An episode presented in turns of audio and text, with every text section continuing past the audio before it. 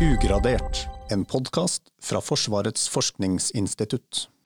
Motivasjonen min for å starte der, når jeg ble forsvarssjef, var jo nettopp at en langtidsplan bygger egentlig på de samme prinsippene som alle planer. Så en plan overlever ikke kontakt, kontakt med virkeligheten. Her hørte vi forsvarssjef Eirik Kristoffersen under presentasjonen av Forsvarsanalysen 2024. Dette sa han til en fullsatt sal i Deichmanske bibliotek i Oslo 13.2. Forsvarsanalysen den tredje i sitt slag i løpet av like mange år. Mitt navn er Lars Årnes, og i studio har vi forskningsdirektør Espen Skjelland ved FFIs avdeling strategiske analyser og fellessystemer, og sjefsforsker Cecilie Senstad ved samme avdeling. Og aller først, Espen, må vi vel si litt om hva forsvarsanalysen er? Ja, Forsvarsanalysen det er jo rett og slett eh, vår måte å sammenfatte arbeidet som gjøres på FFI. Og så forsøker vi å rette eh, det inn mot de som tar de store beslutningene om eh, Forsvaret. Så vi eh, forsøker jo å se på sammenhengene mellom Forsvarets oppgaver, forsvarsstrukturen og forsvarsbudsjettene. Det er den bærende ideen. Og så trekker vi inn ting vi syns er spesielt interessante og relevante som er gjort på FFI i løpet av det siste året. Et interessant spørsmål er jo hvorfor leder forsvarssjefen prosjektrådet for forsvarsanalysen? Jo, det er fordi det var han som eh, oppretta, han som ba om denne type analyse. Og eh, det gjorde han som påtroppende forsvarssjef, og han er faktisk den eneste forsvarssjefen som har bedt om en sånn analyse. Da vi var i studio sist for å snakke om forrige forsvarsanalyse, så var overskriften at utfordringene står i kø. Og det er vel ingen tvil om at det gjør jeg fortsatt. Eh, og i analysen så snakka det om dyp usikkerhet. Og jeg la merke til at det er særlig to forhold analysen ser nærmere på. Hva er det? Vi ser jo på veldig bredt på utviklingen i rammebetingelsene, men eh, det vanskeligste er jo i grunnen å trekke ut de tingene som har størst betydning. Og det, er de to tingene som, som vi fokuserer på i år. Det er Russland, ikke unaturlig, og det er Stillehavsregionen, som kanskje er litt mer overraskende.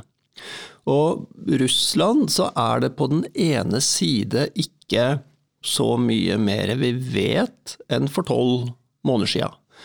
Men det vi mener det er veldig viktig å følge med på, eh, det dreier seg jo om hvor lenge de russiske styrkene, særlig i våre områder, er svekt og bundet. Hvordan de kommer til å se ut i en ny normaltilstand, dvs. Si når krigen i Ukraina er over. Eh, både hvor store de da vil være, og hvilken kvalitet og sammensetning eh, de vil ha. Så det er eh, det ene.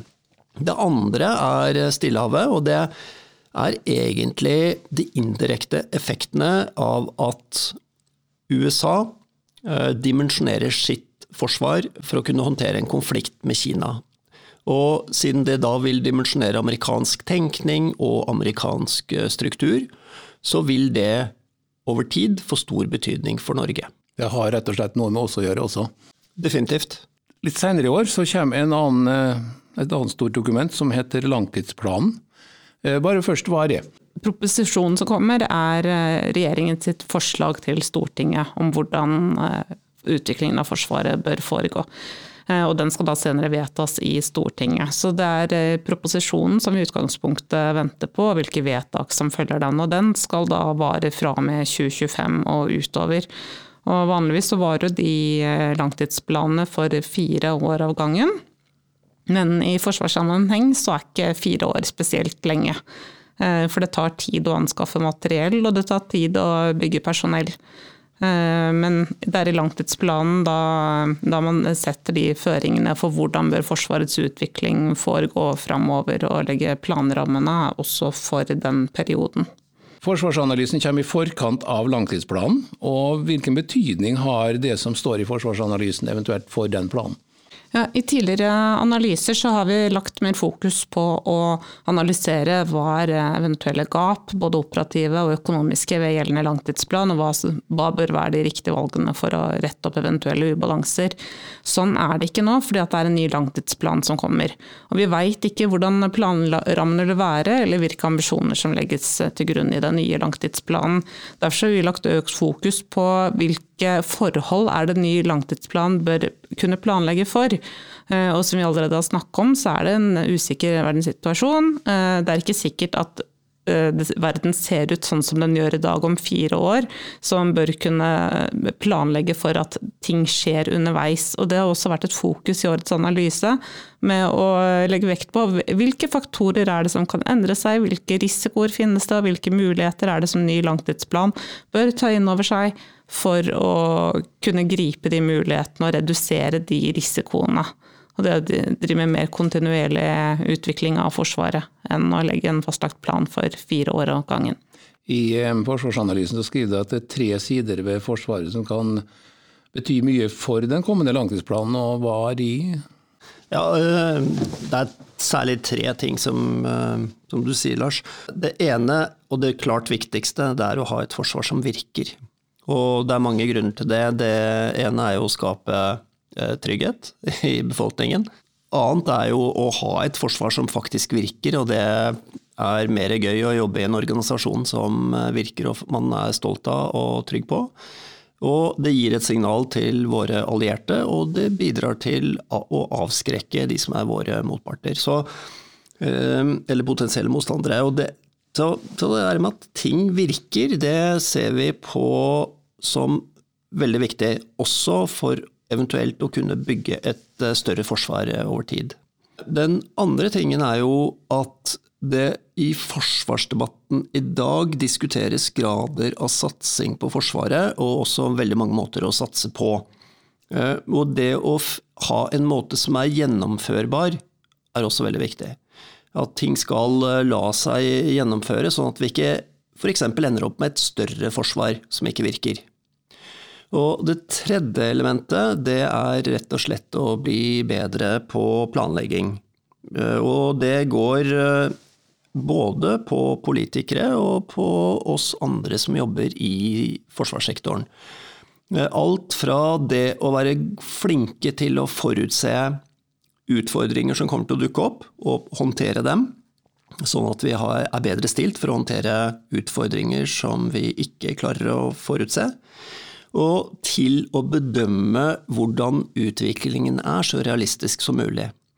Og det er vanskeligere å bedømme det realistisk enn man skulle tro, både fordi det skjer mye som tilsynelatende er nytt og overraskende rundt oss, men også så er det vanskelig å bedømme målene for utviklingen av Forsvaret realistisk for de som sitter med ansvaret eh, for en sånn utvikling.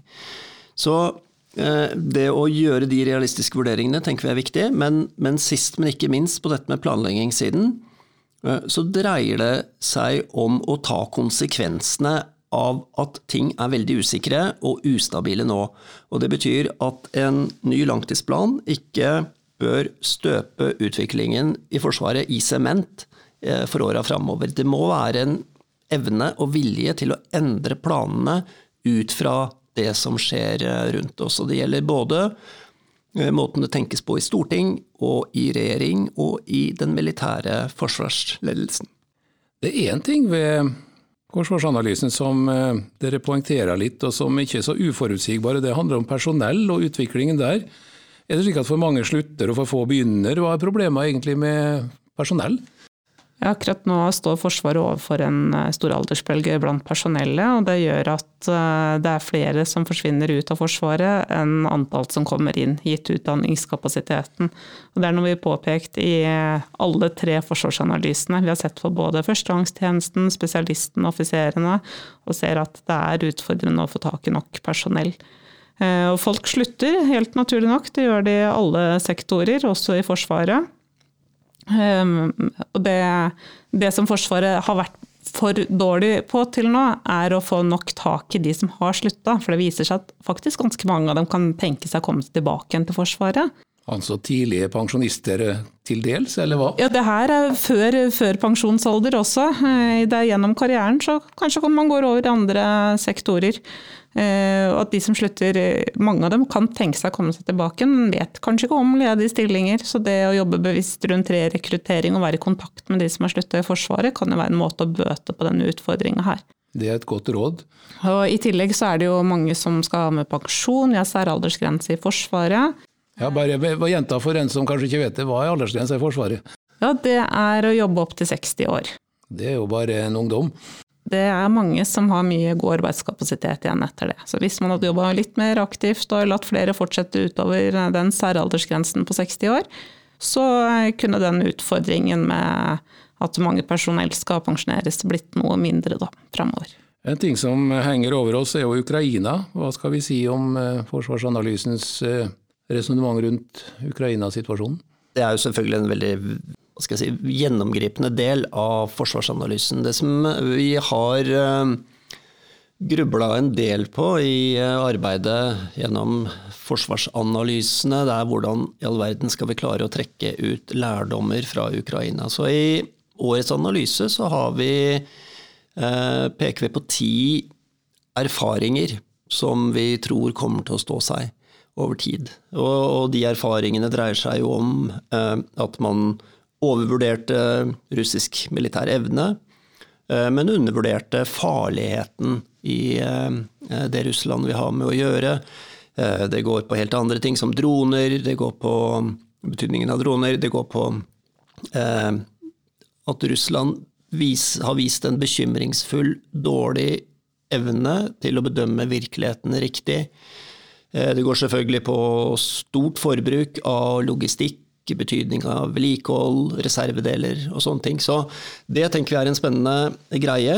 Eh, vi er også opptatt av at den viktige støtten Norge gir til Ukraina, krever mye energi, tid og krefter i store deler av Forsvarets organisasjon. Og det eh, er også viktig at en ny langtidsplan tar hensyn til at vi har kapasitet nok til å både gjennomføre en ny plan og, og gjennomføre den løpende støtten som er viktig for oss eh, til Ukraina. Mm. Og det, det, Den støtten til Ukraina vil jo på et tidspunkt føre til ganske krevende avveininger for, eh, for Norge også. fordi Én eh, ting er at vi har kunnet donert fra lager og sånn fram til nå, med materiell som vi ikke har hatt til bruk. Eh, men eh, det, det, der må vi forvente at det vil komme harde avveininger mellom hva bør doneres til Ukraina, og hva trenger vi selv for egen operativ evne. Eh, og I årets analyse så har vi faktisk konkrete anbefalinger også om at fortsette å donere landmateriell til Ukraina, men av den typen materiell som kan gjenanskaffes på få år og også bidra til eh, oppbygging av maritim kapabilitetsevne for Ukraina. Og etter hvert eh, som norske fartøy skal fases ut av strukturen, at de kan doneres til Ukraina. Det var noe jeg nesten oppfatta som en god nyhet, og at eh, for norsk sikkerhet er det godt nytt med en litt annerledes Nato-strategi. Hva handler det om? Det dreier seg både om arbeidet som gjøres med den langsiktige utviklingen av Nato. Eh, det er et eget konsept som er eh, forankra eh, så å si helt til topps i Nato. Og et konsept som handler om det løpende avskrekking og, forsvarsarbeidet som Nato gjør. Og vi har lagt vekt på å bruke de konseptene aktivt i årets analyse. Vi har sjekket ut det vi gjør, måten vi gjør det på, om det er i tråd med de viktige tingene i de to eh, konseptene.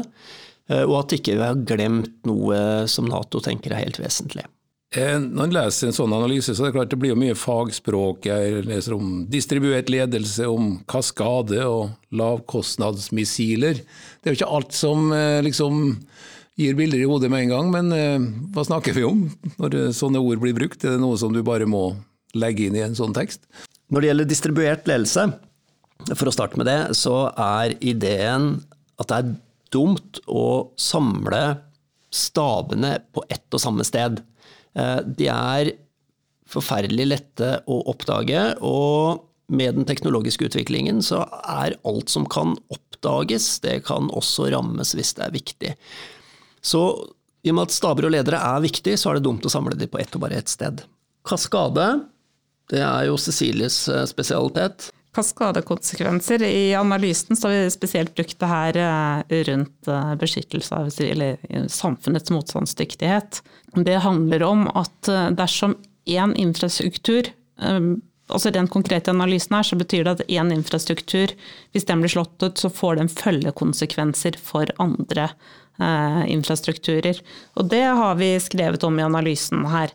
Og at eh, spesielt eh, kraftnettet, dersom det skulle skjedd noe mot kraftnettet i nord, så vil det kunne få store konsekvenser for andre kritiske samfunnsinfrastrukturer. Og lavkostnadsmissiler, hva snakker vi om da? Altså Høykostnadsmissiler er vel noe som er virkelig dyrt, men lavkostnad er kanskje ikke så billig det heller? Ja, det er Lavkostnad er kanskje litt sånn tabloid overskrift. for Det er ingen som tror at de missilene her på noen som helst slags måte blir billige eller til lav kostnad. Det blir kanskje heller et lavere kostnad. Det det egentlig handler om, er en enklere type missil som eh, lettere kan produseres kanskje i større kvanta, fordi det koster mindre enn de avanserte missilene vi allerede har. Um, og så vil det være enklere type missiler med kanskje, kanskje, enklere søkere eller andre egenskaper som er no, noe simplere. Det er jo veldig mye med Man kan som Selv stykkprisen Prisen for ett enkelt missil er veldig høy. Og når man vet at, og det som vi ser i Ukraina, og for så vidt også når amerikanere bruker eh, missiler til angrep, så sender de jo bølger av mange missiler. Så er det jo bare å gange opp en høy stykkpris med antallet som er i en bølge. Så lavkostmissiler i hermetegn, eh, det er et alternativ som i hvert fall gjør det som gir mer utholdenhet og bedre operativ evne. Eh, og så er det jo også varianter av det som man kan tenke seg, og som vi også ser i Ukraina, nemlig at man bruker mye billigere droner og lager mer svermer, det vi kaller heterogene svermer, av den type missilangrep. Og da har jo luftvernsystemene eh, De har jo da et problem med å nøytralisere alle de tingene som kommer mot dem i en eh, angrepsbølge. Forsvarsanalysen kommer både som en gradert og en ugradert analyse. og Jeg regner med at det er jo langt flere som får lese den ugraderte, og den er jo veldig interessant. Og jeg skulle til å spørre hvilke forventninger dere har til analysen, men jeg ser jo allerede nå at dere vil gjerne ha diskusjon, og det var kanskje det også forsvarssjefen ønsker seg. Så hva, hva ser dere for dere nå framover, nå som den er lagt fram? Ja, et viktig mål for oss å bidra til debatt. Og debatt både innad i Forsvaret og i offentligheten. Og innad i Forsvaret, hvor vi da i stor grad eh, fordeler den graderte eh, varianten av analysen, så er det økende etterspørsel, i hvert fall i år, etter, eh, etter årets analyse. Så det er gledelig. Eh, og så er vi jo spent på eh, reaksjonene på, på den uh, offentlige versjonen.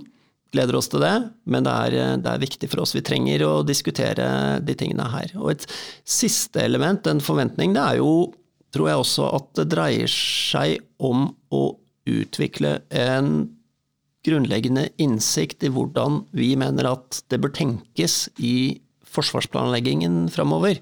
At det bør være en balanse mellom oppgaver og struktur og økonomi, og at uh, veldig fort så får vi et dårlig forsvar hvis ikke vi skjønner hva det betyr, og hvilke fallgruver som da det er lett å, å, å havne i. Så vi syns det er veldig gledelig at det er uh, interesse for det arbeidet vi gjør. Cecilie, du har jo vært en eh, redaktør du har satt sammen bitene fra mange Jeg vet ikke hvor mange forskere det er engang som har skrevet i analysen. Men hvilke forventninger har du til resultatet nå? Jeg er veldig spent på altså Én ting er at jeg håper på mer åpen debatt rundt Forsvaret, og tenker at det er viktig at eh, det ikke er en engere krets som har den debatten. Det handler om Norges sikkerhet. Og eh, jeg håper at, eh, at den kunnskapen vi formidler gjennom analysen, kan være et grunnlag for mer eh, åpen debatt. Og så er jeg veldig spent på hva som eh, kommer ut av langtidsplanen, og hva politikerne legger til grunn. Eh, jeg håper det blir mer oppmerksomhet rundt risikohåndtering og mulighetene som ligger der underveis.